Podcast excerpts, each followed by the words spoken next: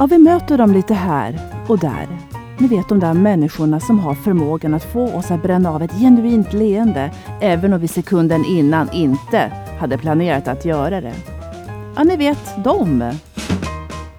De som så till synes enkelt får oss att tagga ner trots att vi just nu var så arga och som gör att vi nu mår rätt bra med oss själva. Ja, ni vet, dem. Varmt välkomna till Mind My Business, podden om välmående och balans i vardagen. Jag heter Ulrika Danneryd Gustafsson och jag arbetar som coach och föreläsare i just vardagen. Ja, som sagt, de finns liksom på lite alla möjliga ställen, de där härliga människorna som får oss att känna oss så välkomna, sedda och bekräftade oavsett situation, plats eller ja, till och med tid på dygnet. Jag pratar om förmågan att bemöta andra människor på det privata planet, men kanske än mer på det professionella planet i servicesammanhang. Den gemensamma faktorn? Ja, det tror jag är självkänslan. Att vara så trygg i sig själv att det spiller över på andra. Okonstlat och chosefritt. Jag är säker på att ni har skakat hand med en för er okänd person på, låt oss säga en fest och känt er väldigt sedda under den mycket korta stunden. Eller när ni köpte mjölk på macken eller checkat in på hotellet och det blev en härligt om en kort konversation med personen bakom disken eller någon i kön. Vad var det som gjorde att det korta mötet blev just ett möte?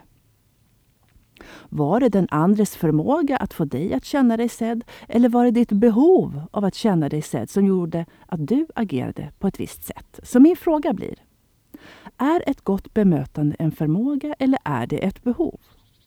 Alltså, är det en förmåga hos den jag möter eller är det ett behov hos mig? Vad tror ni? Att känna sig sedd och bekräftad är ett allmänmänskligt behov. Det tror jag nästan att jag har nämnt i alla avsnitt. Och det är nog till och med en av våra starkaste drivkrafter. Behovet av att känna oss omtyckta, trygga, ja, det handlar om att få känna sig viktig i grund och botten. Att känna sig delaktig i samspel med sin omgivning och det handlar om det egna upplevda värdet. Och att känna sig sedd och bekräftad, det är viktigt för hälsan. Att känna att man blir tagen på allvar. Och gott bemötande, vi pratar ofta om ögonkontakt, leende och så vidare. Men ringarna på vattnet blir ju så mycket större om vi pratar om bemötande som ett grundläggande behov. Vad gäller vårt upplevda värde så ursprungligen så är det det värdet som våra föräldrar, våra signifikanta vuxna, har gett oss. Sen blir det kanske viktiga lärare, vänner och andra i vår omgivning som tog vid den stafettpinnen efter föräldrarna. Och vill det sig väl ja, då lär vi oss alldeles naturligt skillnaden på bekräftelse från omvärlden och bekräftelse från oss själva, vårt egenvärde. Och att ha ett gott självförtroende är som ni vet att vi upplever oss ha kompetens eller förmåga att uträtta en uppgift, någonting vi gör. Och självkänslan handlar om vårt värde oavsett om vi klarar den uppgiften eller inte. Vi har ett värde oavsett om vi lyckas eller inte. Och bekräftelse och bemötande går hand i hand. Det där med att bli tagen på allvar känns på något sätt som om det verkligen är kärnan i begreppet bemötande. Och att bli tagen på allvar handlar om att det jag har att säga är viktigt. Och att det är så pass viktigt för den som jag talar med att han eller hon faktiskt lyssnar. Om sen mötet är över en disk eller på telefonen eller under promenaden, ja det spelar ingen roll. Och vissa dagar har vi ett större behov av att bli tagna på allvar och andra dagar rycker vi ansträngningslöst på axlarna och går vidare. Olika behov vid olika tillfällen. Så det finns alltså två sidor av myntet. Vem är det som sitter på makten att bekräfta? Ja, bemöta. Vem ser ansvaret? För kommunikation sker ju alltid mellan minst två parter. Även min inre kommunikation om mig själv till mig själv. Två sidor av myntet. Är det ge eller att ta? Om jag går in med en otrevlig attityd, kan jag förvänta mig ett gott beteende tillbaka då? Eller om jag möts av ett sympatiskt bemötande, vem är jag att fnysa tillbaka då eller att inte ens bemöta det? Och finns det möjligtvis ett belägg här för what goes around comes around, som jag pratade om i avsnitt 11? Det är givetvis lättare att bemöta en person som vi klickar med, där vi känner att det är ett utbyte av ja, kommunikation helt enkelt. Och varför är vissa möten så enkla? Ni vet sådana där möten när allting bara känns så lätt. Ja, man brukar kalla det för att man speglar sig i den andra. Vi känner igen oss själva i den andra personen och det är klart att ett sådant möte blir angenämt, eller hur? Vi vill samma sak, vi använder samma uttryck, förmodligen liknande kroppsspråk. Ja, kanske är det så att till och med klädstilen stämmer överens. Hur lätt som helst. Vi har ju träffat oss själva. Och vi springer på oss själva på arbetsplatsen. Vi träffar oss själva i någon vi krockar in med i tunnelbanan eller i någon av våra barn. Och tar vi det ett steg längre så skulle man kunna säga att vi alltså då har samma behov. Samma behov av att ha ett gott möte. Bakgrunden till det behovet, ja det kan givetvis vara vitt skilda. Den ena kanske inte vill ha en konflikt. Den andra kanske uppskattar ett utbyte och den tredje är lösningsorienterad. Vårt syfte med mötet är olika. Och beroende på vårt syfte är det verkligen inte lika självklart att vi bemöter och möter en person som vi upplever oss stänga oss ute med samma medkänsla och engagemang som vi gör med dem vi klickar med. Eller hur? Vad händer med dig när du står näsa mot näsa med en människa som du inte alls hittar rytmen med? Ni vet, när det känns som om ni inte pratar samma språk och du kanske känner att du inte når fram, kanske inte känner dig hörd, kanske själv får svårt att lyssna och resultatet blir att det inte blir ett möte. Ingen riktig kommunikation. Ja, så har vi ju alla mött de som obönhörligen bara pratar om sig själva och som vi inte ens får en chans att bekräfta eller ja, till och med bemöta för de är så snabba att göra det själva, om sig själva och allt som oftast gör de så hela tiden. Ja, man känner sig ganska eh, inte påfylld av energi skulle jag vilja säga efter ett sådant möte. Så nej, vi klickar inte med alla, så är det. Så vem blir du när du träffar någon som du inte riktigt lirar med? Och hur blir du när allt går som på räls? Det handlar alltså mycket om vilken intention vi har när vi går in i ett möte, kort som långt. Och jag hör att jag säger intention som om det är någonting vi aktivt väljer, men vid det här läget vet vi ju att det ofta är omedvetet. Just för att vårt agerande, vårt beteende har blivit automatiserat. För det är så vi gör. Och vi har gjort just så vi gör så ofta att det blir en vana. Och vanor lägger vi inte nödvändigtvis särskilt mycket energi på och funderar på varför vi gör som vi gör. Alltså blir intentionen omedveten, på sätt och vis. För de av er som arbetar i servicesammanhang och där bemötande faktiskt är en del av arbetet, ja, där behöver vi välja att ge ett gott bemötande. Och där behöver vi bortse ifrån att personen vi möter kanske ignorerar oss och kanske inte ens tittar oss i ögonen. Och vi väljer att möta den personen i alla fall. Och möter, ja det gör vi både i vad vi de facto säger, som på telefonen till exempel, men även med vår ton, med kroppsspråket, ögonkontakt och mimik i vårt sätt att agera. Och så här är det. Vi vet inte alltid hur vårt agerande tas emot. Det går inte alltid att avläsa. Och det är här en god självkänsla även spelar in. För när vi inte vet, släpp det. Fastna inte i att du förväntar dig något särskilt tillbaka och på ett speciellt sätt. Att bemöta när allt är ja, spick and span, ja det är väl inte en jätteutmaning. Det är lite svårare när det blir svårare. Och det är få konfliktfyllda möten som inte väcker obehag i oss oavsett vilken självkänsla vi har. Och jag tror att det är få personer som uppskattar en konflikt i sig. Men många har lärt sig att hantera det. Och många har lärt sig att använda sig av det. Och för de av er som arbetar med service vet hur det känns att stå ansikte mot ansikte eller röst mot röst i telefoner med kunder eller gäster som är rätt upp oförskämda och otrevliga och som har utarbetat en sån strategi för att känna sig sedda och bekräftade.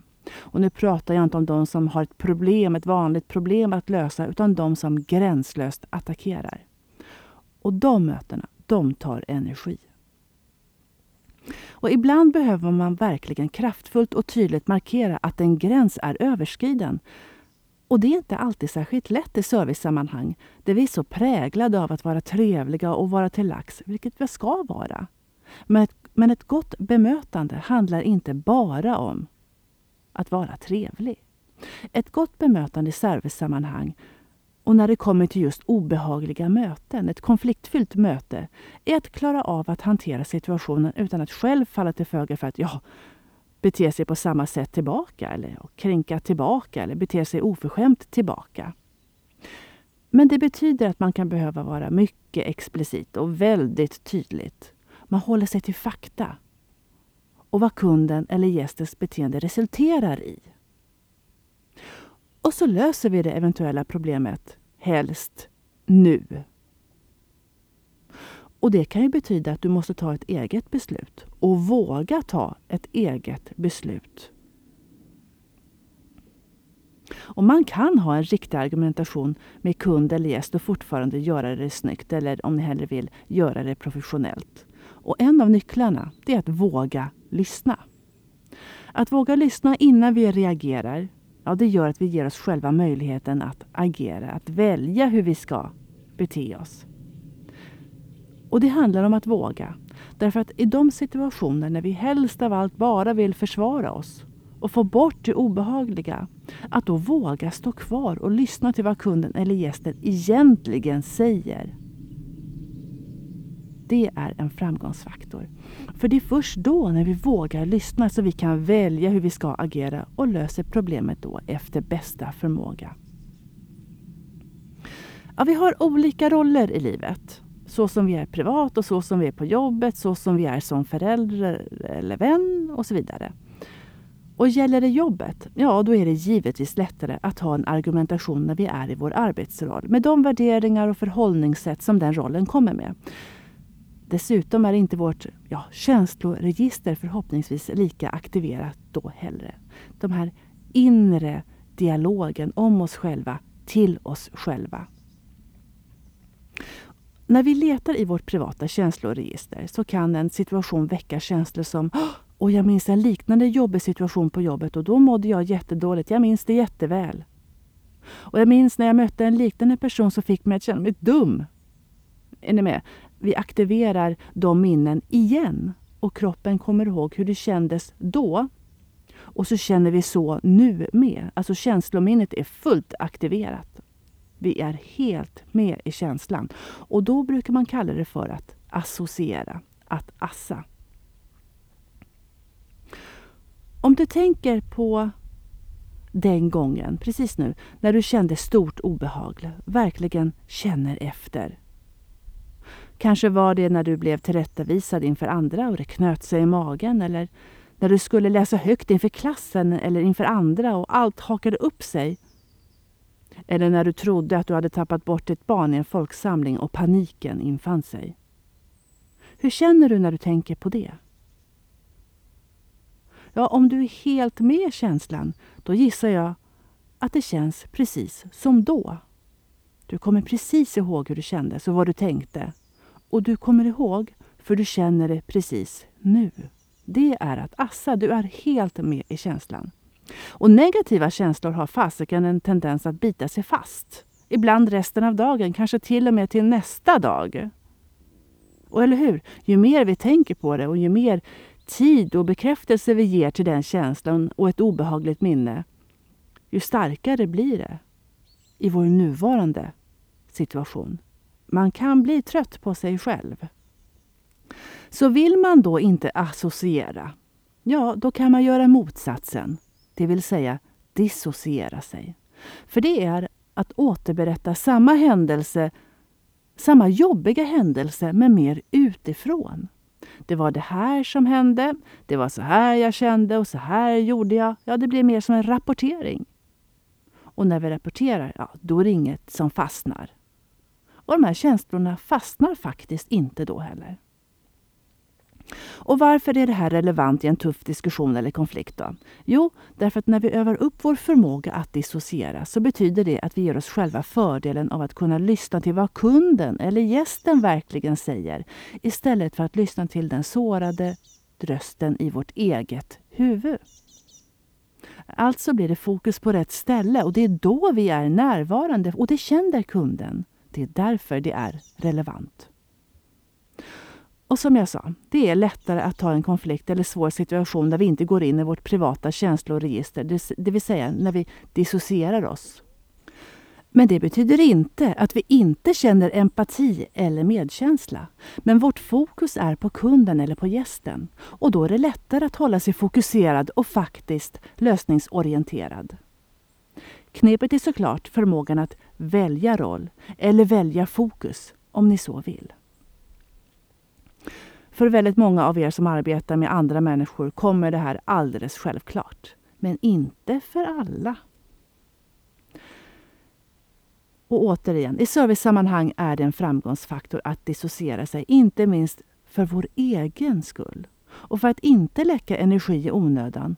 Och för att behålla ett välmående i så krävande sammanhang som jag vet att jobbet kommer med. Och när du går in i din arbetsroll så går du också in med de värderingar och de tankesätt som kommer med den rollen. Och vi använder oss av olika roller i livet. Vi har ju även den privata rollen och den där jag är som vän och den jag är som mamma eller pappa för den delen. Vi har olika roller. Och vet ni vad det intressanta är? Det är att när vi möts bortom våra respektive roller som ett äkta möte verkligen kan komma till stånd. Då när en människa möter en människa och inte två roller som möts och när det sker ett genuint möte så betyder det att vi vågar vara den vi är och inte möter eller bemöter utifrån rädslan av att det ska bli obehagligt eller att det ska uppstå en konflikt. Eller i syftet att vi vill ha något. Nej, vi möter utifrån just det syftet av att vara. Utan filter och i all vår sårbarhet, i vår hjärtlighet och vår tydlighet och fortfarande med lika mycket kompetens och lika mycket integritet.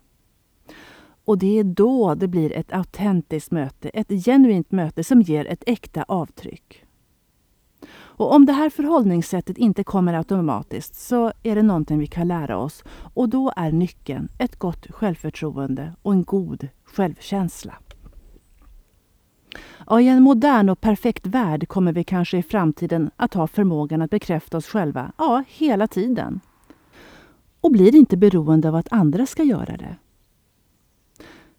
Det vore ju toppen. Men drar vi det hela vägen så blir det aningens andefattigt, eller hur? Lite tråkigt kanske. För livet går ju ut på ett samspel mellan människor. Vi ser varandra, vi lever med varandra. Kommunikation på alla de nivåer vi nu kommunicerar på. Och som jag sa, en viktig faktor som ligger bakom förmågan att bemöta andra människor på det privata planet och på det professionella planet utan att förlora energi och välmående, ja, det tror jag är självkänslan. Jag gör misstag. Jag är inte mina misstag. En himla skillnad. Tål att upprepas. För den som verkligen har tappat sin självkänsla någon gång så vågar jag påstå att det är viktigt att få bli bekräftad för att kunna ta sig tillbaka till välmående av den anledningen som jag nämnde tidigare. Att känna att man blir tagen på allvar, att bli speglad i sitt värde. Att jag är viktig som människa. Och har du tappat din självkänsla så är det inte lätt att bygga upp och bygga upp sig själv igen på, på helt egen hand utan man hjälps av stöttning längs vägen. Och kommentarer då som att kom igen och lyft dig i håret eller äh, det är väl bara att. Det brukar inte styrka känslan av att man känner sig tagen på allvar. Ett mycket bra bemötande i de situationerna är att bara lyssna. Ordet bara blir missvisande här därför att verkligen lyssna till någon annan utan att börja blanda i sig själv och sina egna erfarenheter är inte alldeles enkelt. Det är heller inte alldeles självklart att hejda sig själv från att hela tiden vilja lösa andras problem. Nej, att möta med att lyssna och möta med sitt varande och sin tid, det är en förmåga. Förmågan att lyssna är viktig och i det professionella är det absolut en framgångsfaktor. För att verkligen lyssna till någon annan och för att verkligen och på riktigt kunna bekräfta någon annan, ja då pratar vi återigen självkänsla. Och här är en intressant sak, för att beröm är inte nödvändigtvis bekräftelse och inte smicker heller. Nej, att bekräfta någon annan handlar om att se den andra personen. Att lyssna till vad den andra har att säga. Att verkställa den goda intentionen av att ge sin tid och fokus till en annan person, om än så kort. Beröm, men framförallt och snarare smicker, handlar mer om oss själva. Det vill säga, man vill själv ha någonting av det. Jag vill ha något. Jag kanske slänger mig med smicker för att ställa mig själv i bättre dagar. Eller vi, för att vi fiskar efter en komplimang tillbaka. Eller för att det är något annat jag vill ha. Känner ni igen det? Vi smickrar någon för att själva känna oss sedda. Eller att jag smickrar någon för att jag själv vill känna mig som en god person. Men hur tas det oftast emot? Det är ju fortfarande mot mig själv som jag riktar mitt fokus. En amerikansk präst som levde på 1800-talet och som hette Henry Ward Beecher, han lär ha sagt att smicker är beröm som man oärligt ger med personlig beräkning. På samma fest som den när vi kort skakade hand med en okänd person och kände oss så sedda så springer vi nu på en bekant som ger oss beröm för vår klädsel. Står kanske till och med kvar en stund, men våra ögon möts aldrig. Tar du med dig den komplimangen då, eller landar den platt?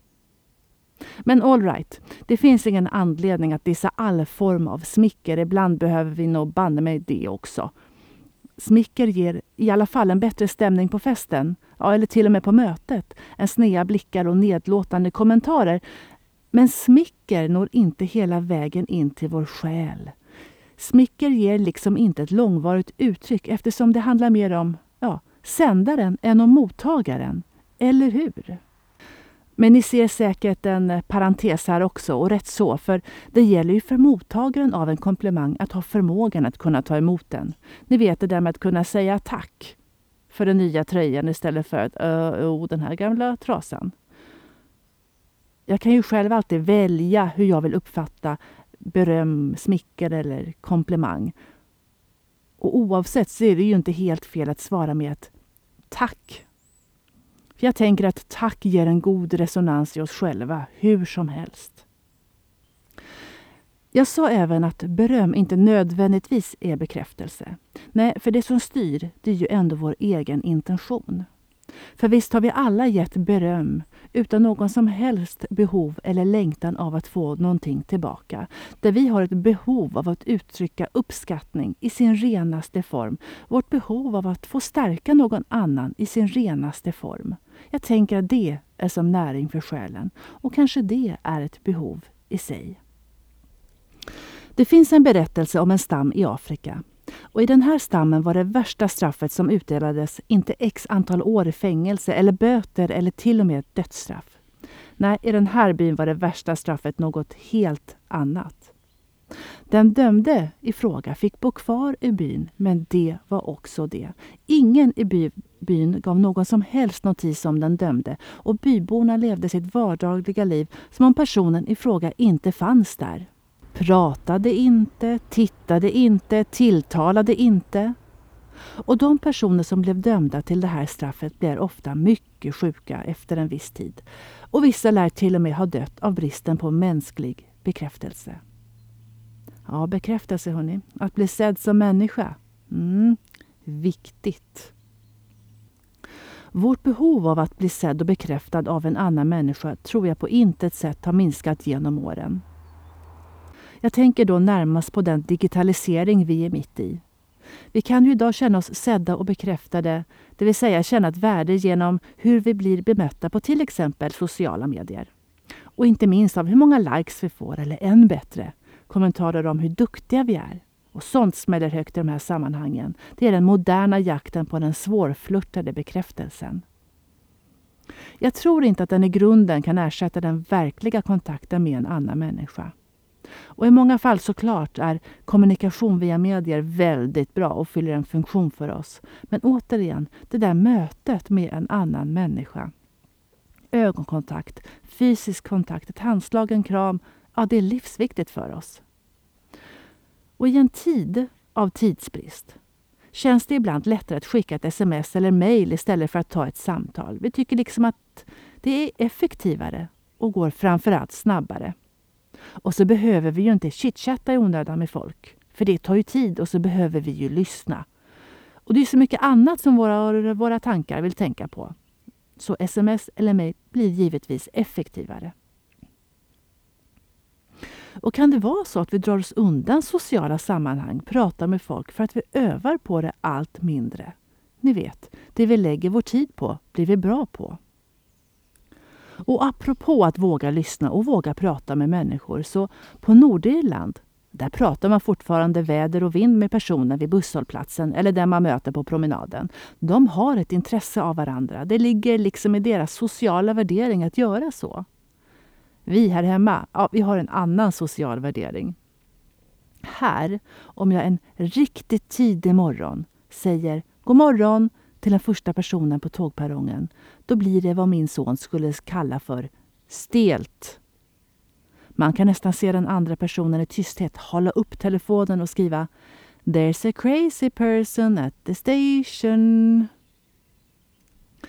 Det intressanta tycker jag kring det här resonemanget att vi har en annan syn på bemötande idag, en annan social värdering, är att vi inte övar lika mycket på att bemöta varandra i vardagen som vi gjorde innan det digitala paradigmskiftet. Men att vi, och det är det här jag menar, ändå på något sätt kräver än mer gott bemötande runt omkring oss i vardagen, i telefonen och i affären, på hotellet. För annars så känner vi oss oviktiga och till och med kränkta. Jag tänker att behovet av att känna oss bekräftade och viktiga av verkliga människor, alltså inte på nätet, gör att vi lägger ansvaret på alla möjliga människor vi springer på i vardagen att fylla på våra depåer och inte minst i servicesammanhang. Det är ett ganska stort ansvar vi lägger på någon annans axlar. Och om jag får stanna kvar i företagsvärlden en stund så finns det såklart de som har knäckt koden till att det är människor som gör affärer med människor vilket ger ett gott bemötande. Människor gör affärer med människor och gärna människor vi har fått ett förtroende för och litar på, det vill säga ögonkontakt, hur vi skakar hand, kroppsspråk och ton som förmodligen stärker ordet och som i sin tur stärker och speglar kompetens och kunnighet. Och ja, jag vet, det finns Skype. Och att det är människor som möter människor gäller egentligen alla våra sociala strukturer och kontexter. De familjer och de par som har förmågan och intresset av att lyssna till varandra och bekräfta i det stora, i det lilla, har också möjliggjort och peggat upp framtiden kärleksfullt för de så viktiga möten mellan varandra. Och det finns de som kallar att bekräfta för klister. Det vill säga det som gör att människor och relationer sitter ihop. Ja, vi läser av varandra precis hela tiden. Känner vi igen oss i varandra? Verkar du gilla mig? Känner jag mig stark? Känner jag mig förminskad? Känner jag mig ansträngningslös i vårt möte? Känner jag mig forcerad? Konstant är våra känselspröt aktiverade. Medvetet och som vanligt många gånger omedvetet. Och nej, alla är inte lika intresserade av det sociala samspelet för vi är alla olika. Jag tycker dock att det är skillnad på att inte vara intresserad och välja ett nonchalant och arrogant förhållningssätt. För det finns faktiskt de som väljer det, trott eller ej. Jag tror att vikten av goda möten i en värld med tidsbrist blir viktigare, men svårare. För vad händer med dig när du känner att tiden inte räcker till? Och när du känner att du har så mycket omkring dig och har så mycket att ta hand om och hantera, var har du ditt fokus då? Ja, precis just där tror jag att du har ditt fokus. I rapporten som ska lämnas in, i barnet som gått hem från skolan på grund av huvudvärk. I det där mellan mötena intryckta tandläkarbesöket. Eller den onda ryggen. Eller mejlet som måste besvaras på Hörni, det är mycket nu. Och vet ni vad som gör skillnad i vardagen? Det är med ett hej. Med ett god morgon och gärna med ett leende i all enkelhet vid frukostbordet, på arbetsplatsen, vid busshållplatsen. Det gör skillnad. Och jag vet vissa chefer som går runt och skakar hand med sin personal varje morgon. Jag vet att det gör skillnad. Och det här med att säga hej ja, det är någonting gott, inte bara för mottagaren, men även för oss själva. För under den sekunden av möte har vi injicerat någonting gott i oss själva. Och registrerar ni det inte medvetet i er själva, så kika nästa gång när ni åker buss och på de människor som faktiskt väljer att säga god morgon eller heja på busschauffören när de går på. Det finns ett uns av glitter kvar i ögonen på dem, även när de fortsätter in i bussen. Ja, vi tänker de tankar vi tänker mest. Vi tänker de tankar vi väljer att tänka mest. Så vilka tankar vill du tänka? Det är ju bra att påminna sig om det. Ja, så är bemötande en förmåga eller är det ett behov? Ja, det är ju rätt tydligt att det är ett grundläggande behov i oss människor. Ett behov av att känna oss som en del av samhället, gruppen och familjen. Ett utbyte mellan människor. En ja och en vi-känsla, tillhörighet och synlighet. Och det blir en förmåga för att det kräver att vi gör ett val. Vågar lyssna och sen agera. Vi behöver välja att vilja se varandra trots alla hinder längs vägen. Ja, förmåga att bemöta andra människor på det privata planet, på det professionella planet. Vi pratar självkänsla. Att vara så trygg i sig själv, trots eventuella motstånd. Att det spiller över på andra, okonstlat och chosefritt. Så låt mig avsluta med ett citat ur Dr. Glas av Hjalmar Söderberg. Man vill bli älskad. I brist därpå beundrad. I brist därpå fruktad i brist därpå avskydd och föraktad. Man vill ingiva människor någon slags känsla. Själen ryser för tomrummet och vill kontakt till vad pris som helst. Gott så. Tack för att ni har lyssnat och hoppas ni ligger i hängmattan i sommar och bemöter och lyssnar in er själva. Ha det så bra. Hej!